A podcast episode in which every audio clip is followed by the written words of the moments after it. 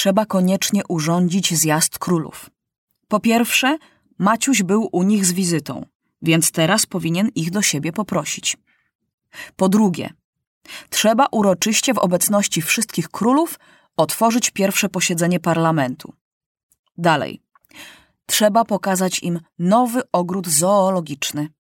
I co najważniejsza, trzeba rozmówić się, czy oni chcą żyć w przyjaźni, czy nie. Wysyłano list za listem, telegram za telegramem. Ministrowie wyjeżdżali i przyjeżdżali. Sprawa była ważna. Albo przyjaźń z królami i spokojna praca, żeby wszystko było dobrze i żeby wszystkim było dobrze, żeby było dużo pracy i za pracę dobra zapłata, żeby wszystko było tanie i dobre. Albo nowa wojna.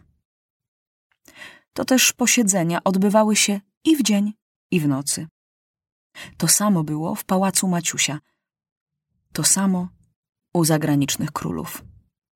Przychodzi ambasador i mówi: Mój król chce żyć w zgodzie z Maciusiem. A dlaczego wasz król szykuje nowe wojska i buduje nowe fortece? Jeżeli ktoś nie chce wojny prowadzić, to nie buduje nowych fortec? Mój król, mówi ambasador, przegrał jedną wojnę, więc się teraz musi pilnować, ale to wcale nie znaczy, że chce napaść na Maciusia. Ale szpiegowie donosili, że ten pierwszy król najwięcej się odgraża. Właściwie nawet nie sam król chciał wojować, bo był stary i zmęczony, ale jego najstarszy syn, następca tronu, koniecznie chciał wojny z Maciusiem. Szpiegowie Maciusia podsłuchali nawet jedną rozmowę starego króla z synem. Ojciec jest stary już i niedołężny, mówił syn. Najlepiej będzie, jeżeli ojciec odda mi tron, to ja sobie już z Maciusiem poradzę. A co tobie Maciuś złego zrobił? On jest bardzo przyjemny i mnie się bardzo podoba. Podoba się, podoba. A on napisał list do smutnego króla, żeby od nas odszedł i żeby się z nim przyjaźnił. On chce oddać drugiemu królowi wszystkich żółtych królów, a sobie zatrzyma Bumdruma i czarnych afrykańskich królów. A kogo my wtedy będziemy mieli? Kto nam będzie przysyłał złoto i prezenty? A jak zostaniemy sami, a oni się zaprzyjaźnią z Maciusiem, to we trzech napadną na nas. Musimy zbudować dwie nowe fortece i mieć więcej wojska. Syn starego króla wiedział wszystko, bo miał znowu swoich szpiegów, którzy mu donosili. Stary król musiał się zgodzić, żeby było więcej wojska i żeby zbudować jeszcze jedną fortecę, bo się bał, że jak będzie wojna i znów przegra, to syn powie: A nie mówiłem ojcu, że tak będzie? Trzeba było oddać mi tron i koronę, to by tego nie było. I tak trwało przez całą jesień i zimę, że nie wiadomo było, kto z kim się będzie przyjaźnił. Dopiero jak Maciuś wysłał listy, że zaprasza wszystkich do siebie w gości, musieli powiedzieć prawdę, czy chcą przyjechać, czy nie. Odpowiedź na zaproszenie przyszła taka. Owszem, przyjedziemy chętnie, ale stawiamy za warunek, że Maciuś nie zaprosi Bumdruma. My jesteśmy biali królowie i nie chcemy zasiadać przy jednym stole z ludożercami. Nasze dobre wychowanie i nasz honor królewski nie pozwalają na to, żeby się bratać z dzikusami.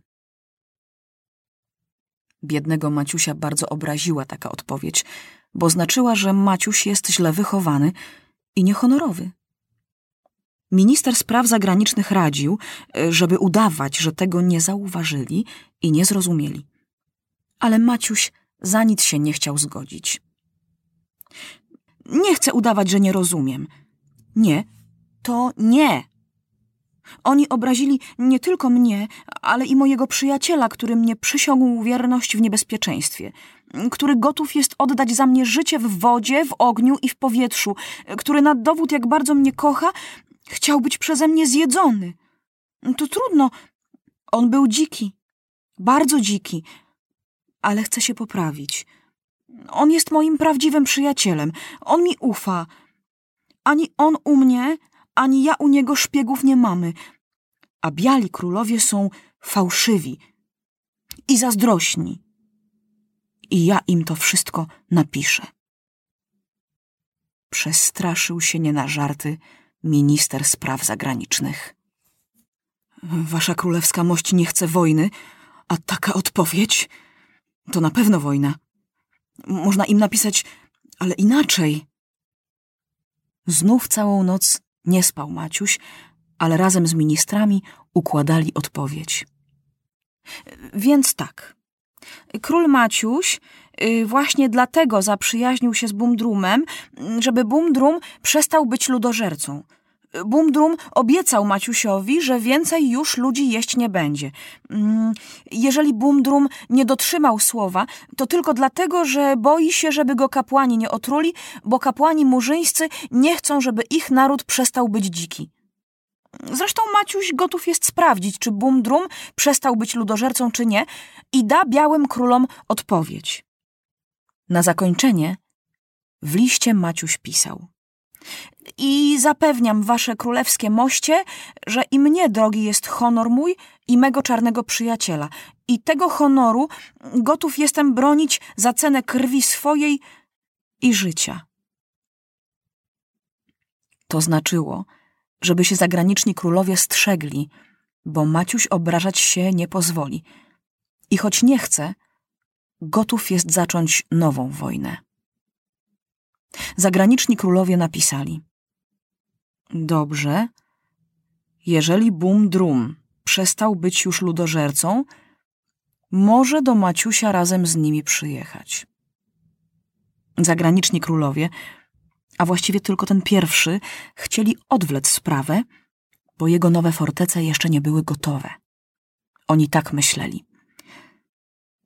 Jak Maciuś napisze, że Bum Drum już nie jest ludożercą, to my napiszemy, że czarni królowie kłamią, że są wiarołomni, że wierzyć im nie można, więc nie mogą do Maciusia przyjechać.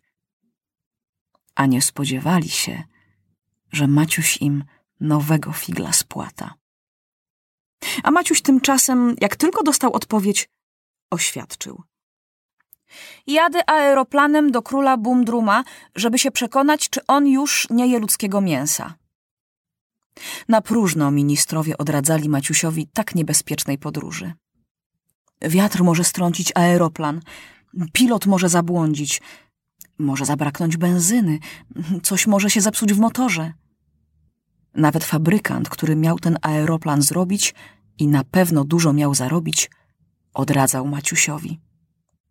Ja nie mogę zapewnić, że aeroplan przez pięć dni w powietrzu nie będzie miał żadnego uszkodzenia. Aeroplany fruwają zwykle w chłodnych krajach. My nie wiemy jeszcze, czy od gorąca coś się nie zepsuje. Zresztą jakaś śrubka może się złamać. A na pustyni nie ma mechanika, który mógłby uszkodzony aeroplan naprawić.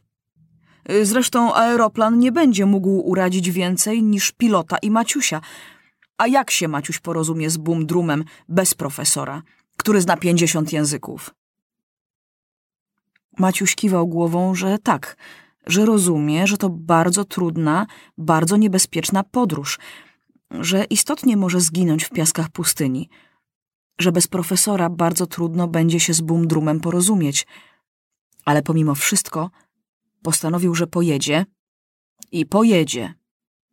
I bardzo prosi fabrykanta, żeby nie żałował pieniędzy, tylko wezwał najlepszych majstrów, sprowadził najlepsze narzędzia i materiały – i zrobił jak najprędzej, jak najpiękniejszy aeroplan. Fabrykant odłożył na bok wszystkie inne roboty. Najlepsi mechanicy pracowali na trzy zmiany dzień i noc. Główny inżynier fabryki tak wszystko obliczał, że aż zwariował. I potem musiał się dwa miesiące leczyć w szpitalu. A Maciuś codziennie przyjeżdżał do fabryki królewskim samochodem, i po parę godzin siedział i oglądał dokładnie każdą rurkę i każdą śrubkę. Jakie wiadomość ta uczyniła wrażenie w kraju i za granicą, łatwo sobie wyobrazić. W gazetach o niczym innym prawie nie pisano, tylko o królewskiej podróży. Maciusia nazywali królem powietrza, królem pustyni, Maciusiem Wielkim, Maciusiem szalonym. No, teraz już będzie koniec, mówili zazdrośni.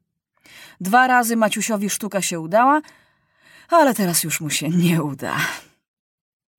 Długo szukał Maciuś kierownika pilota. Zgłosiło się dwóch. Jeden już trochę stary, bez nóg i o jednym oku, a drugi Felek. Ten pilot bez nóg był właśnie starszym mechanikiem, który składał aeroplan. On fruwał już wtedy, kiedy aeroplany nie były bardzo dobre i często spadały. On siedem razy spadał. Cztery razy tylko się mocno potłukł, ale nic. Raz stracił oko, raz zmiażdżyło mu nogi, a raz złamało dwa żebra i tak wstrząsnęło mózg, że przez rok leżał w szpitalu i stracił mowę. I teraz mówił nie bardzo wyraźnie. Ostatni wypadek zniechęcił go do fruwania, ale że kochał strasznie aeroplany, więc wstąpił do fabryki, żeby choć je robić i patrzeć, kiedy już latać nie może. Ale z królem Maciusiem pojedzie. Ręce ma mocne, a jedno dobre oko za dwoje oczu wystarczy.